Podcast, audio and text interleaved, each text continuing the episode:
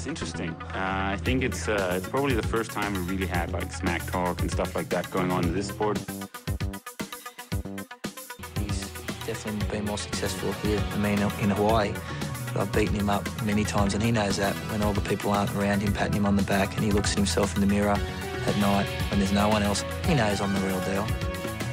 Some people talk and they never won Ironman in Hawaii, so I could talk. I won twice. Så har jeg været så heldig at lave en aftale med The Local Hero from 9000 Aalborg, Bastian Pejdersen. Du brillerede på hjemmebane, der blev afholdt DM på det, de kalder for den klassiske distance. Det er jo det, der svarer cirka til en kvart i jernmand. Er øh, stængerne efterhånden kommet på plads, Bastian, efter den runde, det show, du præsterede? Ja, yeah, det synes jeg. Ja, det var mest mandag tirsdag. Der havde jeg ondt. Der var der ondt. Rigtig ondt. Ja, som om man lige havde styrketrænet, og, og ikke var vant til at styrketræne. Doms, Ja, som det man også kalder det, at det var jo også, øh, at du måtte virkelig hive et løbesplit af en anden verden ud. Det var jo en hård battle, du havde med Oliver Martinussen. Du fik ikke noget foræret. Hvis, hvis vi lige starter med, i stedet for selve konkurrencen, at tale om forberedelserne, den var jo sivet en lille smule, at du var i god form. Hvad har dig og dit team gjort for at forberede dig til den her dag? Kan du fortælle lidt om den træning, der har ledt op til det her mesterskab? Altså specifikt Aalborg 3 har vi ikke lavet så meget træning mod. Øh, I ugerne op til, jeg har haft nogle hårde cykelpas, og vi er begyndt at fokusere lidt mere på klassiske kort og hårdt max, VO2 max arbejde, end sådan noget tærskel eller endnu lavere mellemzone, som vi normalt arbejder rigtig meget med. Øh, men det tror jeg bare var, sådan, var ganske normalt og standard. Øh, nu skal vi lægge en top på procedur.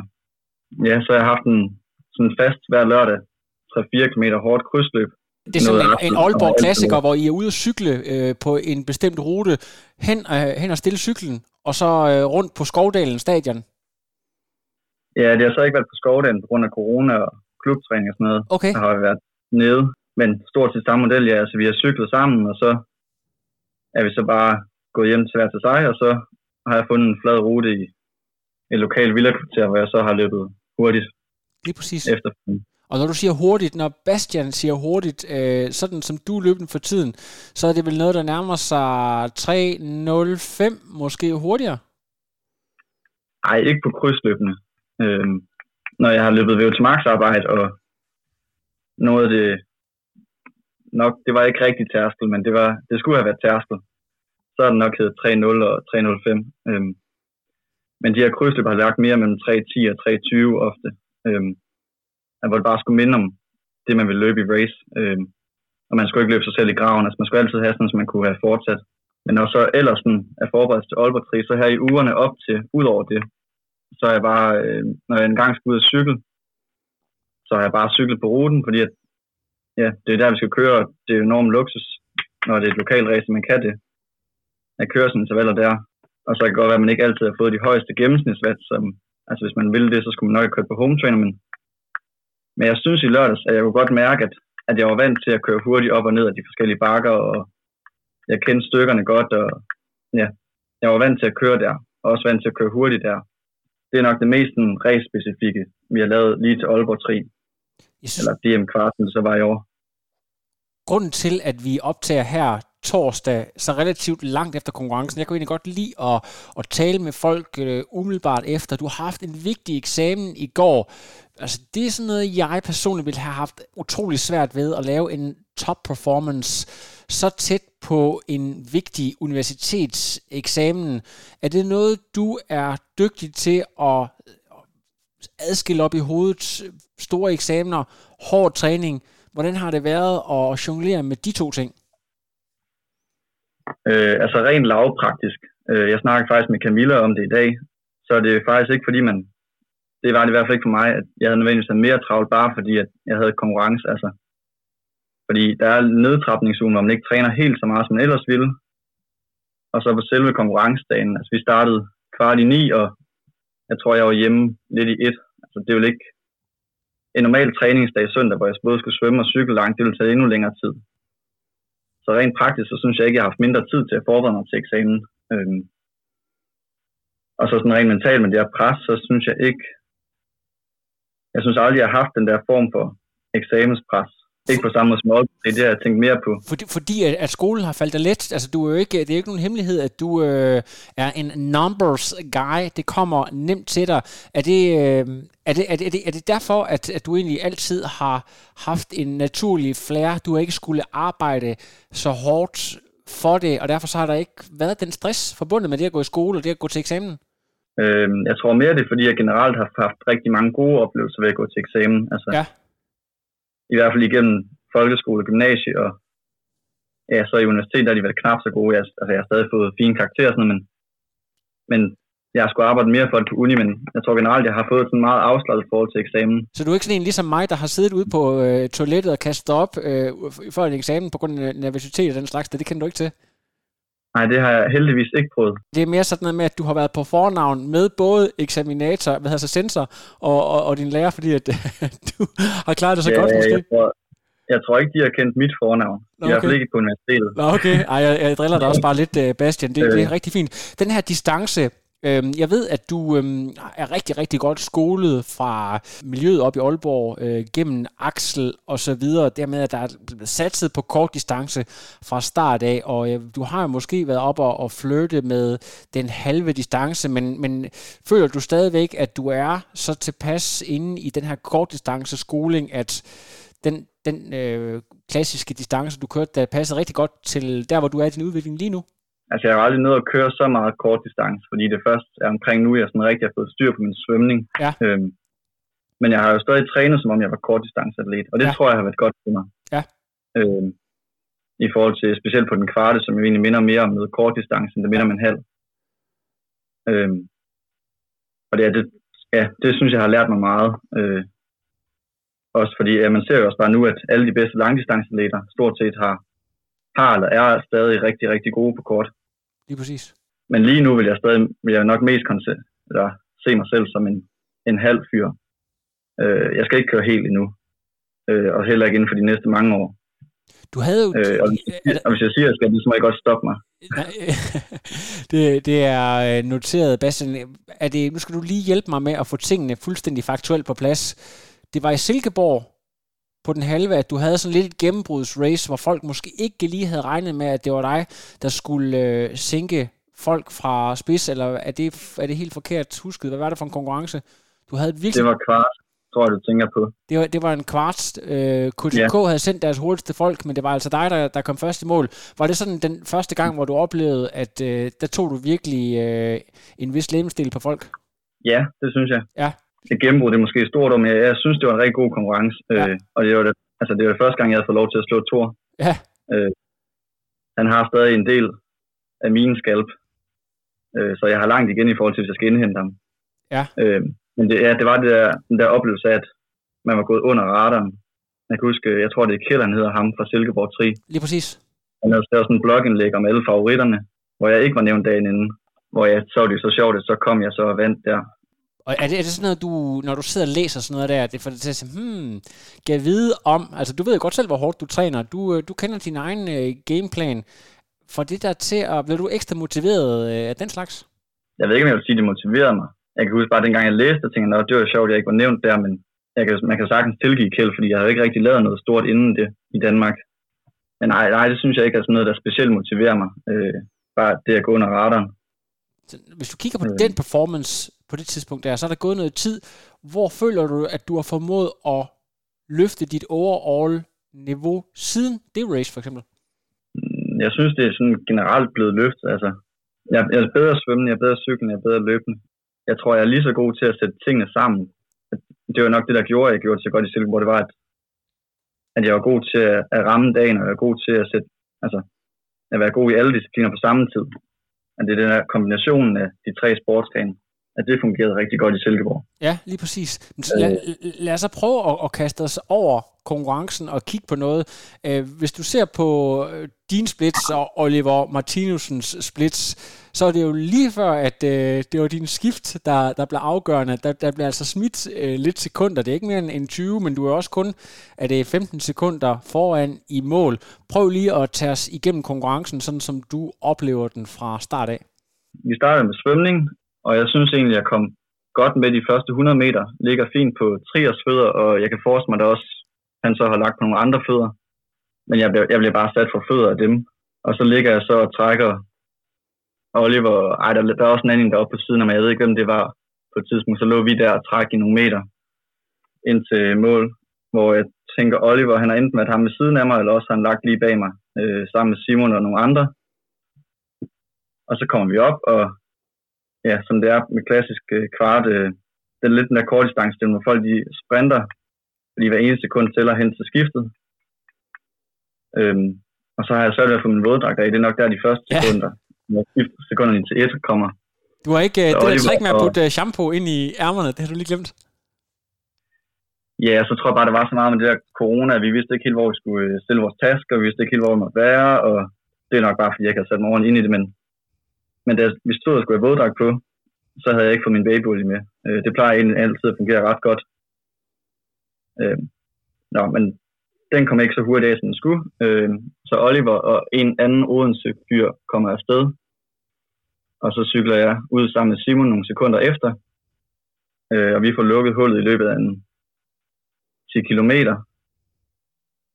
Øh, og så derfra, så trækker mig og Oliver så fra, hvor jeg, jeg har set trier ude i, jeg ved ikke, 400-500 meter væk, og så kører jeg bare alt, hvad jeg kan, fordi jeg vil op til trier. Og så samtidig så kører trier så åbenbart alt, hvad han kan, fordi han vil op til Lyngsø. Øhm, og så passer det med at hente trier og Lyngsø sammen med Oliver, lige 4-5 km uden for Aalborg. Og jeg er så i T2, der har jeg ikke nogen undskyldning for et dårligt skift. Der var jeg bare dårlig. Altså, relativt. Der kunne jeg godt have sparet nogle sekunder. Øhm, så Mathias og Oliver, de kommer alligevel ud med, den med et hul på 20-30 meter, som de holder. De første, jeg tror det er hele 7-8 kilometer. Øh, det kan godt være, når man læser sportstiming, det har set ud til at være en spændende battle, men, men i lang tid var jeg sådan set ikke en del af den battle. Altså jeg kunne bare se, hvordan Mathias og Oliver de kæmpede om førstepladsen, og jeg løb egentlig mest og tænkte på, at øh, jeg ikke skulle blive hentet af Simon. Øhm, og så der på anden omgang, der begynder Oliver at trække for Lyngesø, så vi ligger sådan tre mand med 20-30 meter imellem hinanden. Og så lige omkring halvvejs på ruten, der skal man op ad sådan en bak. Jeg ved ikke, har du været der, Lasse? Jeg har, jeg kan godt huske den, ja, det er rigtigt. Ja, så skal man op ad sådan en bak ind i Hasris. Og der henter jeg Lyngsø. Og så min træner Axel står der og siger, at du henter også på Oliver, øh, og jeg skal bare blive ved. Øh, og ja, så bliver jeg ved, og så med en kilometer til mål og sådan noget, der bliver det så spændende, fordi der har jeg så hentet Oliver. Og så i det, jeg kommer op til ham, så tænker jeg bare, at hvis jeg endelig skal overhælde ham, så skal jeg sørge for at ikke få ham med, fordi jeg tror ikke, jeg vil kunne slå Oliver i en spurt. Øh, så der lader jeg bare, som om jeg er på atletikbanen og skal løbe 400 meter intervaller, så, ja, så løber jeg alt, hvad jeg kan øh, i håber, at han ikke går med, hvilket han så heldigvis ikke gjorde. Øh, og så kom jeg så i mål nogle sekunder foran ham, heldigvis. Så i, i øjeblik er du lige så chokeret, som ja, jeg går ud fra, at alle andre er. Altså, at du løber med det hele, uden at nogen havde regnet med det, uden at pilen på nogen måde havde peget den retning. Altså, jeg havde selv drømt om, at jeg skulle komme over først den drøm, den brændte lidt, da jeg så Magnus havde tilmeldt sig. Ja. Øh, og nu skal jeg passe på med at sige heldigvis, for det er selvfølgelig enormt trist og ærgerligt, at der så er en Marshall, der kører ud på halvruten, i stedet for at køre ud på kvartruten, hvor Magnus bare følger efter ham. Ja. Hvilket det der sat Magnus ud af spillet. Men, men nej, det vil sige, at jeg havde egentlig leget med tanken om, at det kunne være virkelig fedt at komme ind over målstrengen den første på hjemmebane. Øh, men hvis du havde sagt til mig halvvejs på første omgang, at det vil være mig, så vil jeg nok ikke tro på det. Altså den startliste, du ser der, som du siger, det er, det er altså folk, der har været oppe og performe på et øh, internationalt topniveau, nogle af de allerbedste, og så kommer du flyvende under radaren og præsterer, som du gør. Og nu også, fordi vi to har jo også trænet en lille smule sammen. Øh, det du kører på er udstyr. Du har godt nok en rigtig flot øh, speedsuit fra Fusion, som øh, du bliver sponsoreret en lille smule med, men du kører jo ikke på de allerdyreste rammer, eller den allerdyreste Garmin og så videre. Du, du klarer det pretty much på et øh, SU-budget. Hvordan er det at gå ind i en konkurrence med det mindset at vide, okay, der er altså nogen, der kører på øh, markant dyrere udstyr, end jeg gør. Jeg er nødt til at, at få det optimale ud af det, jeg har. Er det noget, der, der påvirker dig overhovedet? Øh, I selve konkurrencen tænker jeg ikke over det. Altså man kan sige, der er heller ikke noget at gøre ved det der. Nej. Øh, og jeg synes egentlig også, at jeg har fået til at... Altså jeg er kommet ret langt med det, jeg nu har. Øh, den kører ret hurtigt, min cykel stadig, selvom den er 10 år gammel. Øh, jeg tror mest uden for konkurrencen nogle gange godt kan tænke, at ja, altså der er det jo det, er det der er så forbandet ved sociale medier, er, at ja. man ser jo den ene flot cykel efter den anden, og man ser den ene præsentere en ny samarbejdspartner efter den anden, og der kunne jeg nogle gange godt tænke, åh, og så sidder jeg her på min gamle cykel, men, men så er det altså heller ikke værd, fordi jeg har jo nok til, at jeg kan være med, hvilket jo et eller andet sted er det vigtigste. Ja, øh. det, det skal du for, du beviser også en pointe. Jeg, jeg, jeg sidder bare og tænker på, hvis du siger, at dine forældre havde givet dig en, en, en top specialized fra 2020-2021, om du så havde opnået de resultater, du har, om det måske har været rigtig godt for dig at ja, vise den der fandme voldsked på en, en lidt ældre ramme. Altså, jeg tror, der kan være noget der, det der med, at øh, så øh, er du bare nødt til at arbejde det hårde simpelthen. Det er et godt spørgsmål. Ja. Det, det er svært at sige. Jeg tror egentlig, jeg havde arbejdet hårdt, uanset hvad. Ja. Det tror jeg. Man kan sige, noget, der er sket på grund af det. Det, kan, det må mine følgere så bedømme, om det er godt eller skidt. Ja. Øh, altså, den eneste grund til, at jeg er så aktiv på Instagram, det er jo mest af fordi, at, at det er sådan, man får fat på ting. Ja, selvfølgelig. Og det er sådan en slags samarbejdspartner, fordi man skal jo have noget at kunne give tilbage. Lige præcis. Men du, du, du, du, du, måske, du var måske ikke om det. Altså, det er måske unaturligt for dig at være på Instagram. Det var det i hvert fald meget i starten. Jeg synes virkelig, at altså det, jeg synes bare, det er sådan en ting, man kunne lægge, hvor man kunne skrive hvad som helst, man synes var sjovt, og så var det faktisk ikke så vigtigt, om folk kunne lide eller. Det har jo lidt en anden betydning, hvis man godt vil kunne få nogle samarbejdspartnere. Ja, præcis. Og hvis nu jeg bare havde fået øh, guld og herregård, hvad det nu er, man siger, så tror jeg, jeg havde været ligeglad. Altså, så havde jeg bare kørt på de gode cykler, jeg kunne få af mine forældre, og så nyt det. Interessant. Det tror jeg egentlig mest, det, det har haft en effekt apropos Instagram, så laver du et post, et virkelig fedt billede, hvor du står øh, og næsten er kollapset på målstregen sammen med din kæreste. Og hvad har det? Hun har betydet rigtig meget for din karriere. Du siger det her med ups and downs. Prøv lige at, at fortælle lidt om, hvad hun har betydet for, at du kan lave triathlon på det niveau, du gør. Oh, så lang tid har vi ikke, Lasse. Nej, det har vi ikke. Så øhm, prøv så bare øh, highlights. Det gør det kort. Ja. Øhm, altså, Nico hjælper mig rigtig meget øh, i praktisk, i dagligdagen. Hun er god til at få handlet ind, hun er god til at lave mad, men mest af alt så sørger hun egentlig bare for, at jeg har det godt, øh, og er en rigtig god kæreste, og det tror jeg, det er sådan set øh, er den vigtigste del af det. Øh, en fra klubben, der hedder Asker, øh, han spurgte mig en gang, har du ikke en kæreste? Og så sagde jeg jo, hvor han så sagde, det er godt, øh, det er godt for sådan en som dig. Og jeg havde ikke tænkt over på samme måde, men så uddybede han så og sagde, at dengang jeg selv var eliteaktiv, han synes altid, der var en anden ro på, når han var i et forhold. Ja, det er Asger Ågaard, ikke? Som han ja. fremragende svømmer. Ja, men ja, altså, som man sagde, det giver sådan en ro på og, og tryghed. Det der stressfri liv, jeg har nu, det tror jeg ikke, jeg ville have haft uden Nico. Og man kan sige, hvis man skal træne godt, sove godt, spise godt, have det godt, så skal man have et stressfrit liv. Ja. Øh, og det hjælper Nico med. Og det gør hun med mange ting, men det er det, der sådan er essensen i det. Hun sørger for, at jeg har det godt. Lige præcis. Og, og, og hvordan har du det egentlig med at, at kunne være i din egen boble? Altså, du fortæller os om, at du øh, egentlig helst ikke vil have alt for meget Instagram mere end nødvendigt. Hvordan virker du egentlig øh, i, i forhold til, at er du sådan en, øh, som man populært sagt vil sige, er en lille smule introvert måske? Øh, jo, det tror jeg godt, du kan sige. Ja. Øh, og hvad, betyder, hvad, hvad betyder det helt konkret? Jeg har nok været mere introvert før tiden. Ja. Øh, Jamen, det er nok bare... Altså, jeg behøver ikke reklamere med, hvem jeg er og hvad jeg laver, Nej. nødvendigvis. Eller... Og jeg er heller ikke den første til at gå ud og sige, hej, jeg hedder Bastian, hvis jeg er til en fest, ja. og ikke kender nogen. Øh, så er det nærmest hellere at sidde over i hjørnet og have absurd mange tidspauser, så jeg kan gå ud og kigge på min telefon, ja. end gå ud og møde nye mennesker. Øh, altså, så slemt er det ikke. Altså, i praksis synes jeg egentlig, at jeg er blevet bedre til det med alderne, og har heldigvis lært at kende den en masse dejlige mennesker at kende i løbet af mine teenageår. Øh, men ja, men på den måde har jeg ikke altid været sådan opsøgt venskab. Øh, og været sådan lidt, øh, man kunne måske kalde det, ej, jeg ved ikke, om jeg vil kalde det reserveret, men ja, generet. Ja, men, men også det hele fortæller mig, at, at dit øh, hvad skal man sige, kæresteforhold her, det har været med til, at, at man ligesom ikke behøvede at være social på den der måde, som man måske føler sig lidt tvunget til i de yngre år med, med sådan nogle vilde fester den slags, at man sådan kan lukke sig inde i den der øh, Netflix-boble. Er det sådan egentlig noget, du trives lidt bedre med, end øh, hvor du skal, hvor du er sådan lidt tvunget til at hænge ud i gaden, hvis du forstår, hvad jeg mener?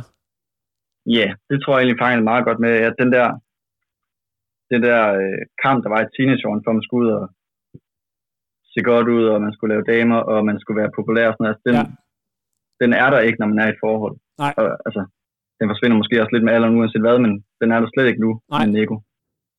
Øh.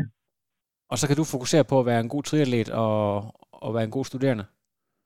Ja, Jamen, det, jeg skal også en god kæreste en gang imellem. Ja, lige præcis, men du er også god til at, at ligesom sige, okay, når jeg skal træne en masse, så er du også god til at øh, tage ned og besøge dine svigerforældre dernede og tage på sommerhusture. Øh, så det har du også, du har blik for, at, at der altså skal noget tilbage den anden vej. Ja, og det er nok også meget godt for mig, altså hvis man, ligesom, hvis man vil måle alt i, hvad der er bedst for præstation, så tror jeg også, det er meget godt for mig, at jeg kan bruge tid på andre ting. Ja, hvis vi lige taler lidt mere om det her med matematik, som jeg synes er et mærkværdigt fænomen, at der findes nogle mennesker, som øh, har det som interesse. Sådan er vi jo så forskellige. Men, men det der med, at du har et blik for tal og systemer, som falder dig helt naturligt, tror du på en eller anden måde, at det gavner dig som eliteatlet, at du har den her ting? Eller, eller er det noget, du nogensinde har tænkt over? Øhm, jeg tror ikke så meget, det er, at at jeg er god til tal øh, og abstrakt matematik. Jeg tror ikke, det er det, der gør.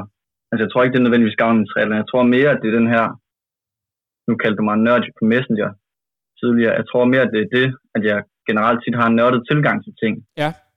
Øhm, altså med tri, som blandt andet også med tri, at jeg har den her meget, man kan kalde det all-in tilgang, hvor man vil udover at man vil træne så meget, så vil man også godt lære så meget. Man læser så meget, man kan, og ja.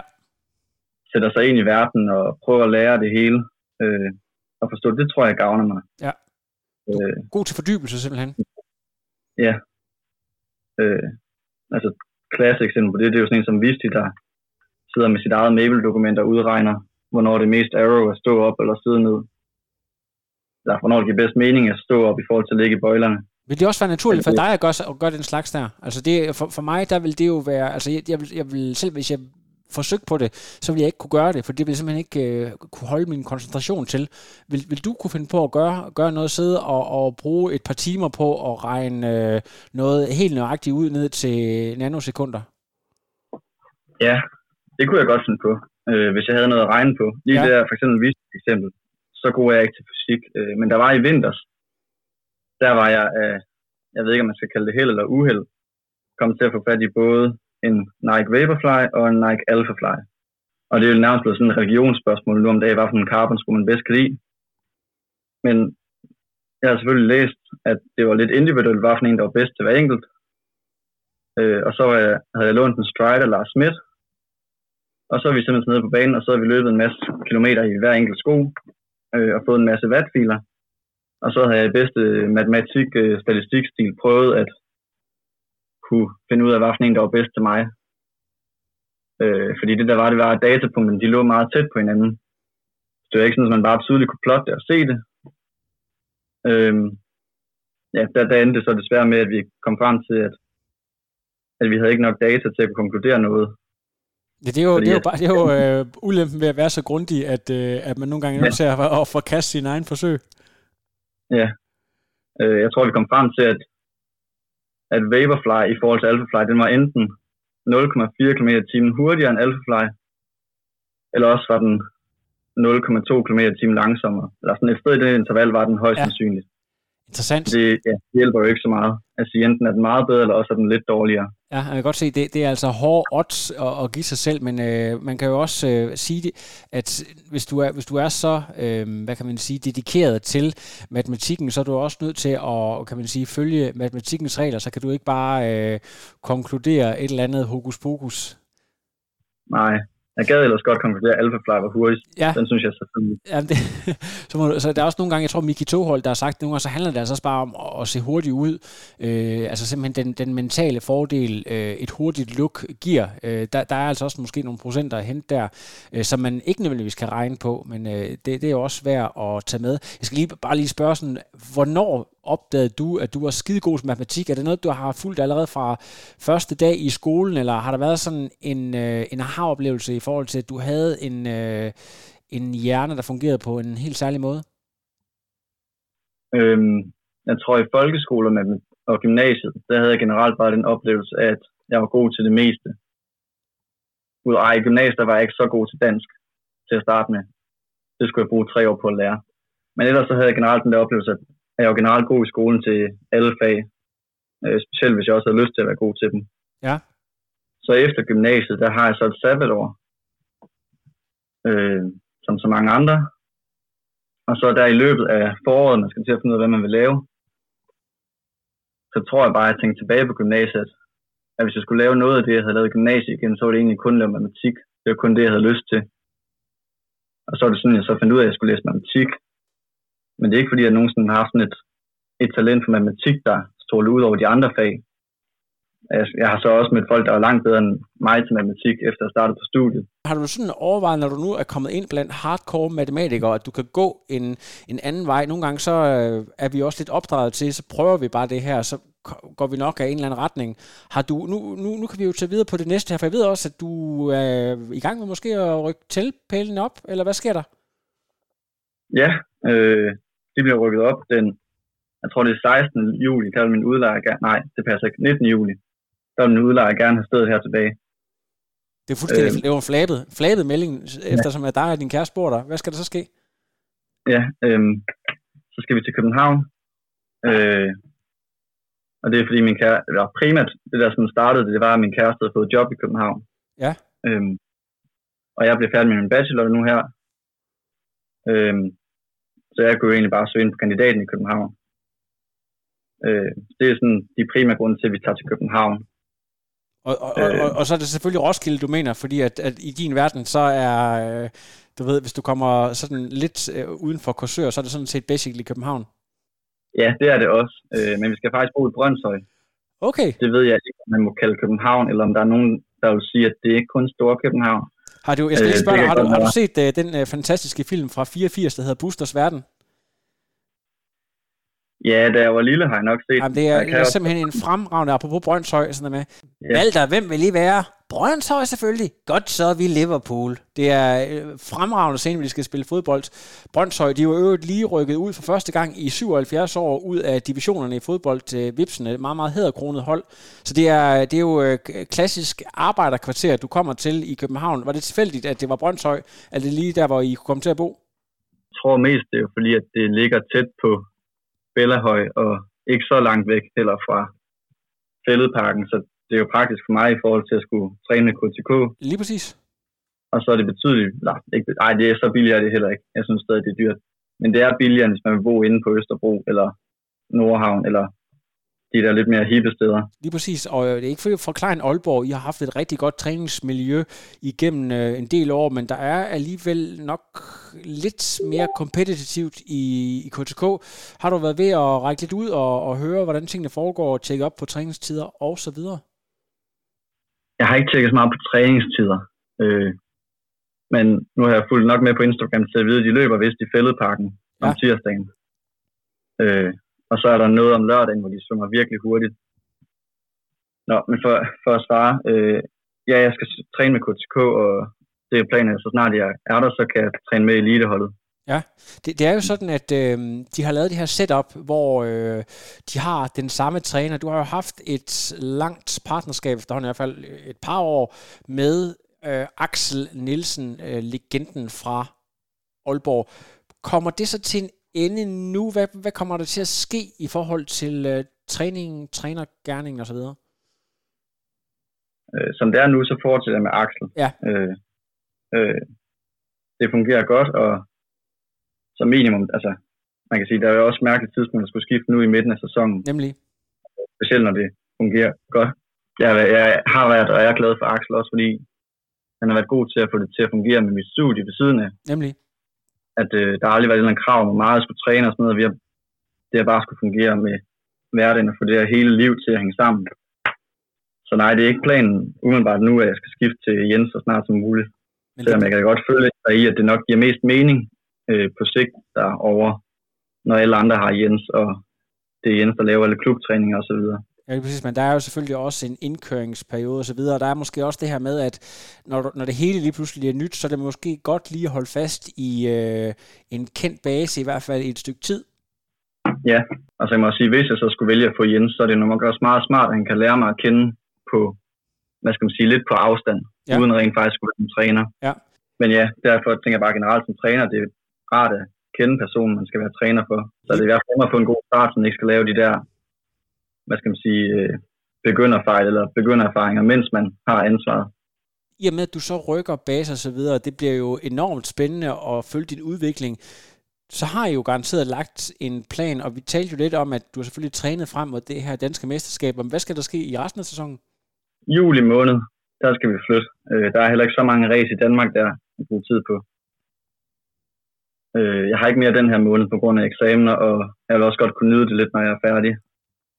Og så august måned, det eneste vi har fast på planen, det er Silkeborg Hal, som også er DM Hal i år.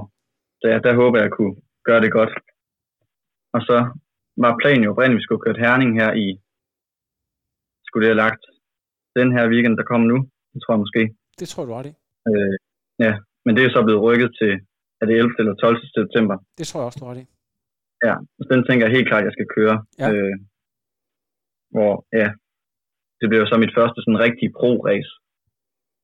Øh, hvis der forhåbentlig kommer et stort pro-felt fra udlandet også. Så ja, det er mest herning, jeg tænker på.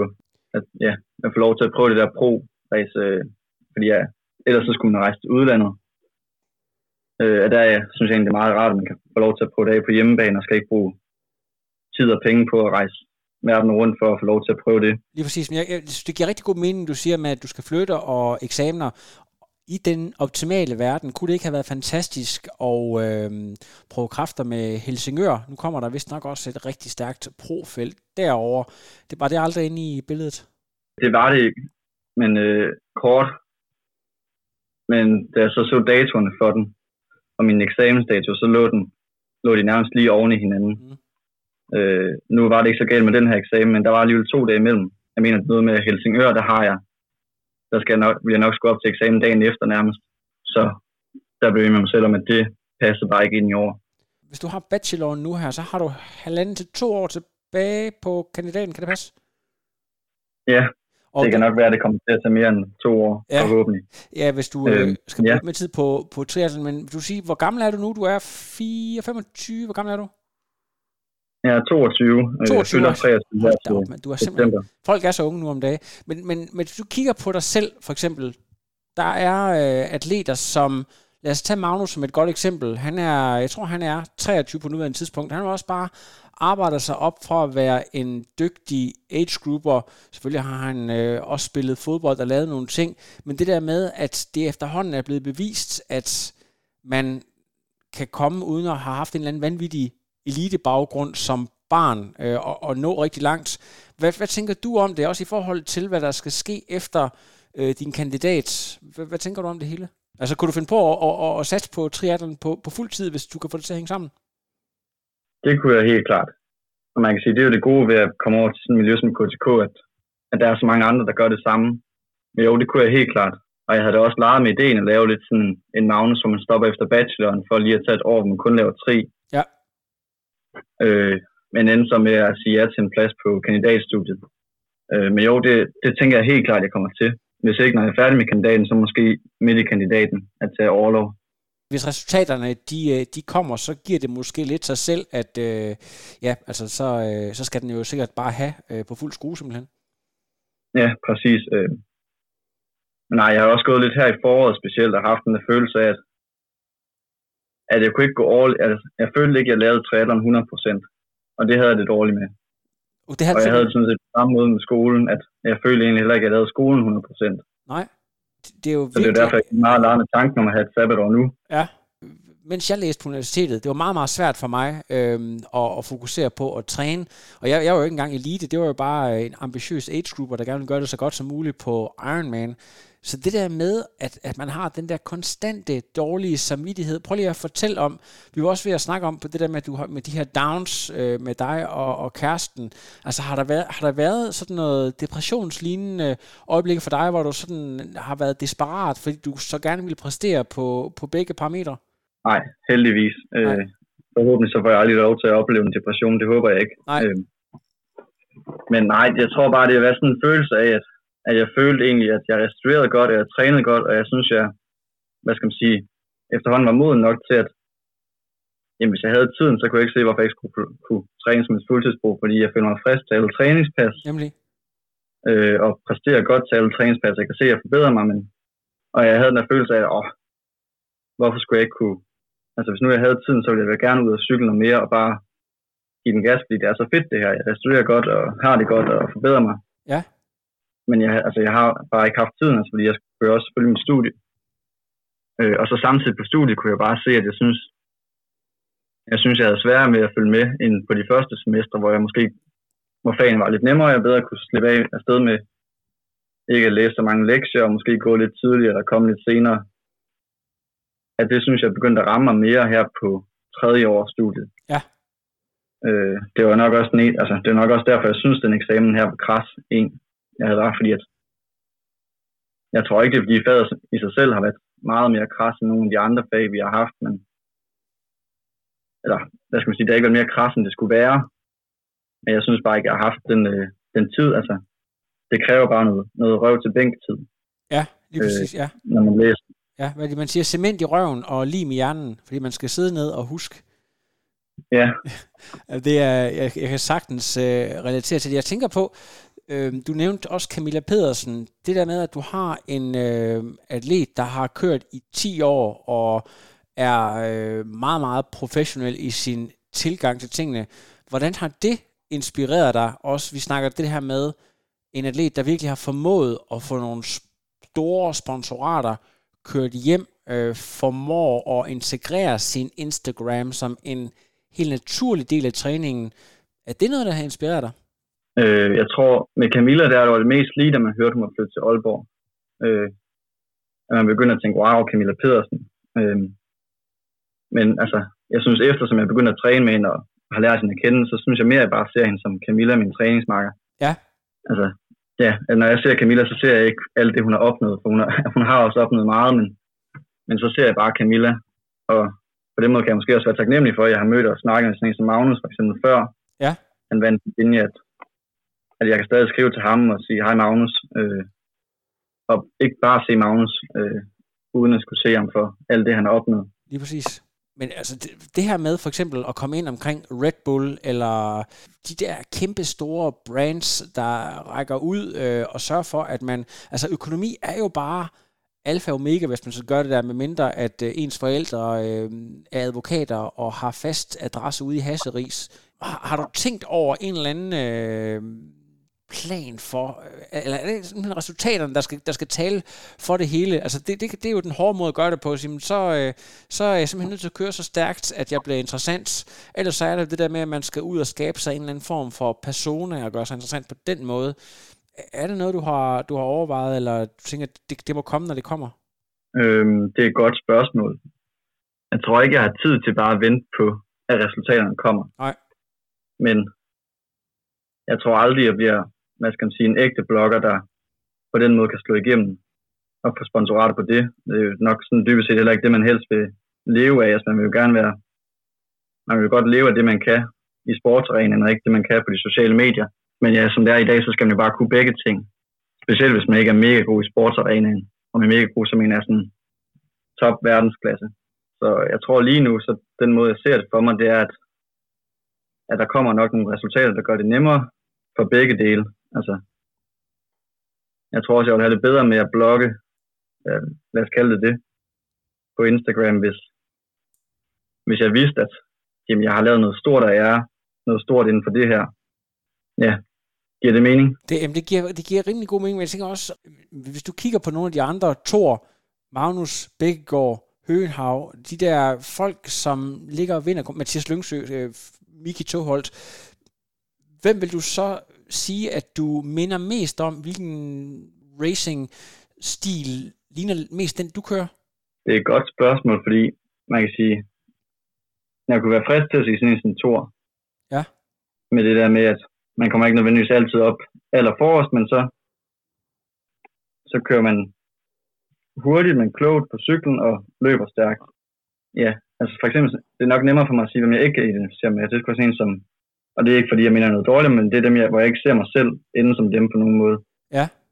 Det kan være sådan en som Bækkegaard, eller Miki, altså folk, der, der svømmer, svømmer enormt godt. Ja. Øh, og altid eller tit kommer op med frontpack, hvilket jo bare gør, at det er et andet race, de skal køre. Ja, altså, præcis. Men, men... Øh, de starter altid ud med at skulle stikke af og ikke skulle jagte på samme måde, hvor at, altså som jeg jo så gør. Præcis. At jeg skal ikke stikke af for nogen, jeg skal jagte nogen i håb om at kunne være med dem, når de skal løbe.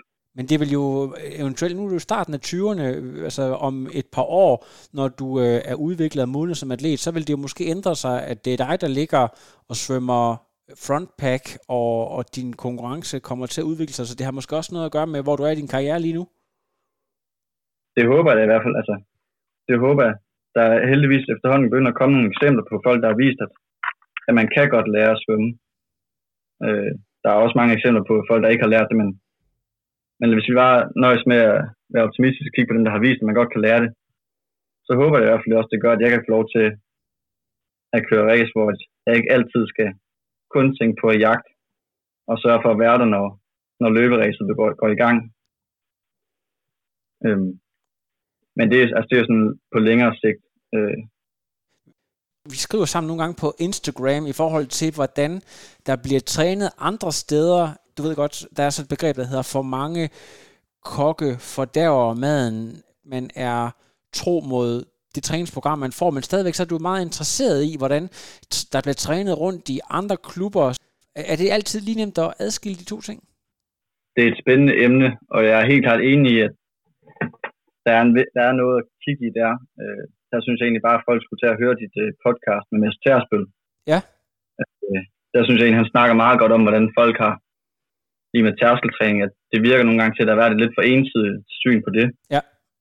Øh, og sådan er det sikkert med mange andre emner også, men at det er som om, at nogle gange i trisporene, der kan der være alle mulige, at der skal bare komme et enkelt nyt studie, der siger, at et eller andet er godt, og så har man set, at folk er folk, der var tilgængelige til at lægge hele deres træning om efter det. At øh, ja, der som, det tror jeg vist også Mads Tersbøl får sagt, at det synes jeg er vigtigt at have en periodisering, man følger. Ja. Øh, og det er svært, hvis man hele tiden får nye idéer, fordi der kommer nye studier hele tiden. Øh, Ja, giver det mening? Ja, det, det giver mening. Så du, du, du, du er tilhænger af, at man har nogle basic ting, man følger. Så kan det godt være, at der kommer nye studier, men sådan grundelementerne skal der ikke rykkes for meget rundt på. Er det sådan, jeg skal forstå det, du siger? I hvert fald ikke fra den ene dag til den anden, synes jeg ikke. Altså, det, altså det, siger heller, det er nok heller ikke så mange elite der har gjort det. Men ja. Der er sikkert mange ja, det... atleter, når de kigger på sådan en som dig, der er sådan lidt det der med folk, der øh, kæmper med at komme ned i vægt og så videre, det går jeg ikke ud fra, har været noget problem for dig. Har du har du omvendt skulle gøre nogle særlige ting for at få mere muskelmasse på øh, i forhold til din kost og den måde, du øh, timer din, øh, ja, din måltider? Øhm, jeg tror ikke specifikt, mig og Axel har jagtet, at jeg skulle have mere muskelmasse.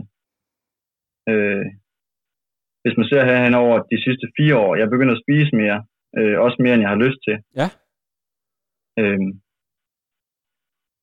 og det tror jeg, da jeg først drik, altså det er ikke fordi jeg har været anorektisk, men normalt havde jeg bare spist til jeg var mæt.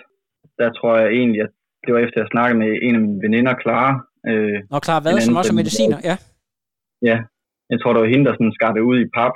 Ikke for at lære mig noget, men bare for, jeg tror, vi snakker generelt om det med at spise nok. At hun sagde, at jamen, hvis man er træt, så skal man nok spise noget mere. I hvert fald som elite det er tit, at vi får ikke spist nok. Og så gik jeg og tænkte over det, og i praksis så var det altså også nogle af de oplevelser, jeg havde, det var at de dage, hvor jeg, altså jeg, dage, hvor jeg trænede rigtig, rigtig hårdt og var helt smadret. Og så havde jeg gået hjem, og så havde jeg spist jamen, så meget, at Nico nærmest blev sur på mig. Ja. Øh, og så var jeg gået ned og købt noget is bagefter. Så jeg havde virkelig ondt i maven, men så dagen efter, så havde jeg gode ben.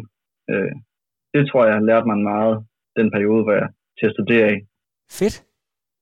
Øhm, og det håber jeg, der er mange andre atleter, der til at i hvert fald hvis alternativet er ikke at spise nok. Og, og, og, og det der med, og, og, med mæthed og sådan nogle ting, der, hvad, hvad er så go-to-produkter? Altså, der er jo ikke noget som en god skål havregrød, eller et eller andet, der sådan virkelig ligger øh, en bund. Har du nogle go-to-ting, der gør, at det ligesom, du ved, får det, du skal have, der er sådan meget øh, kulhydrat-mættet, kan man sige? Altså man kan sige, hvis problemet er, at man ikke får spist nok, altså er det jo egentlig ikke så meget det med, at man skal sørge for at jagte efter, hvad der ligger en god bund. Det er egentlig det modsatte. Man skal jo nærmest ligge, sørge for at jagte det, man kan spise meget af. Ja. Øh, man skal stadig spise sundt. Øh, jeg skal ikke stå og advokere for, at folk spiser junk. Men oh, det må du gerne på Rotse. hvis man skal spise 6.000 kalorier, så er det svært at leve af brune ris og, og kål. Ja. Altså så, så kan det godt være, at man kan få en 3-4 af dem, ved at leve sundt, og det er også godt, det skal man. Øh, men så skal, synes jeg ikke, at, at vi som elever skal være bange for at, at gå ned og købe blandt selv til en hel familie og spise det selv. Øh, det kan også være vinerbrød eller andet godt. Ja, hvor der er en, ma- en masse øh, simple kulhydrater. Ja, altså det, det vigtigste er bare, at man kan spise det og få nok af det. Ja. Altså det er bedre at spise lidt for meget slik, end det er at spise lidt for lidt ja. generelt. Men det ikke, har du hørt et rygte om, måske har jeg faktisk også set det live, at du er meget glad for sådan en øh, god, klassisk himbærbrus? Det er Anders, du tænker på. Det er Anders, der er det. Hvad er det for en solvand, du godt kan lide? Det er et godt spørgsmål. Dr. Pepper kan jeg godt lide. Ja, der er også rigtig meget sukker i, ikke? Jo, men det, jeg tror, det er det samme som alle andre. Øh, Mathilde, Mathilde Kakaomælk, øh, har, været, har været med til at hjælpe med det her for mig. At det er gået op for mig, at Mathilde, når det er til, tilbud til en femmer, så er det jo faktisk billigere end rigtig mælk. Ja. og man kan sige, sådan Mathilde på en liter til en femmer, der har man en rimelig solid post-træning måltid til to træninger til to og en halv kroner. Ja. Så når der er Mathilde til en femmer, så går mig og min kæreste ned et par gange og køber øh, alt det Mathilde vi kan. Der kan så du... jeg drikker rigtig meget kærmælk. Der kan du bare høre, der, der kan du, nu fortæller du mig jo faktisk praksis, hvordan din øh, matematiske sans, den øh, kommer til gavn som øh, eliteatlet, med, med, med at regne de der ting ud, og det, og det er jo ikke, hvis du sidder og følger øh, nogle af de bedste Thijs Neihaus og nogle af de der eliteløbere, det er jo det, de drikker, altså det er jo, øh, det er jo kakao, skummemælk og, og den slags ja. der, så, så der, der har du da en helt klart en pointe. Ja, en sjov historie om det, du snakker med matematik, det kommer lige til at tænke på, det, er, det var på anden semester. Øhm, da i vores projekt, der skrev vi om den her algoritme, der hedder Simplex-algoritmen. Øh, og den bruger man til at minimere ting eller maksimere ting øh, under nogle særlige krav. Og så prøvede vi at lave den med kost. Så vi sagde, at vi skal have så meget protein, så meget fedt, så meget sukker som minimum. Og så gav vi den en masse forskellige madvarer og deres næringsindhold. Og så skulle den så finde den kombination af mad, du kunne spise for at få det, du skulle have i løbet af en dag. Øhm, for at gøre det så billigt som muligt, selvfølgelig. Ja, ja. ja. Øh, og der tror vi kom frem til, at sådan en som mig, jeg ville kunne leve for 9 eller 10 kroner om dagen. Ja. Øh, så skulle jeg så leve af Mathilde, øh, havregryn og leverpostej. hvad, hvad, hvad synes du det? Er det? Hvor lang tid tror du, du kunne gøre det, før du kom til at, at få madlede? Det er et godt spørgsmål jeg tror faktisk også, jeg siger det forkert, der var ikke Mathilde, det var, øh, det var skyrt, digit stive kiks og lever på steg. Ja. Så jeg nåede den stil.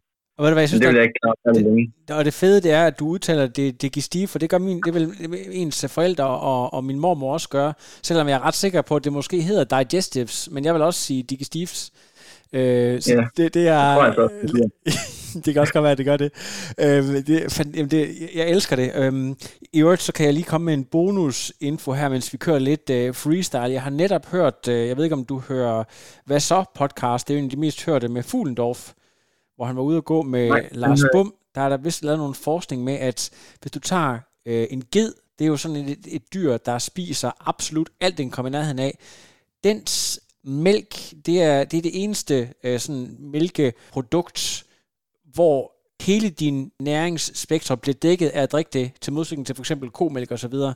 Så det er lidt interessant, at, at man, kan, man kan gå ned og, og kigge på den slags detaljer.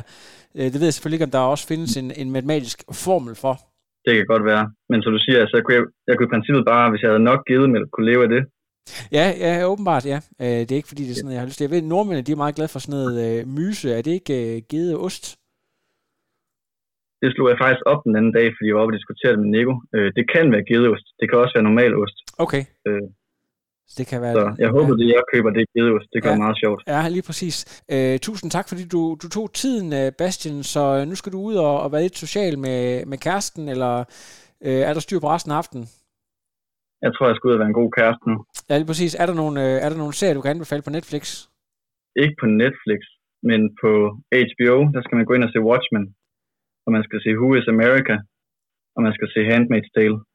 Fantastisk, og det er også sådan lidt, øh, du, altså, du, er, du har lidt sympati for venstrefløjen. Er der ikke noget der Hans Tale? Det er sådan lidt, øh, hvad kan man sige, en kommentar til øh, hele The Rise of Me Too, kvinderettigheder osv. Er der noget der? Jeg tror ikke, der er nogen af fløjene, der vil kendes ved øh, skurkene i Handmaid's Tale. Nej. Men nej, jeg synes ikke. Jeg synes, Handmaid's Tale, det er, foregår i så vild en verden, at, at det er svært at sige, at den er politisk. Fordi der er jo ikke nogen, der vil kendes ved det. Interessant. Det kan være, at jeg lige, øh, det er, det er en af dem, jeg har, øh, jeg har til gode. Jeg har synes, den, den så så uhyggelig ud, så jeg vidste ikke, om jeg turde og, og give mig i, i kast med den, men øh, det, øh, den er i hvert fald sendt videre til, til lytterne.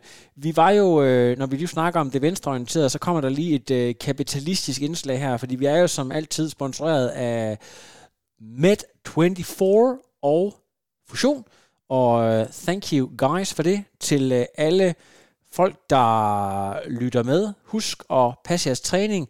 Husk, hold jer i form. Spis sundt og tro på jer selv. Yeah. No, I am done. Another. But no, it's, I'm done. I have no power.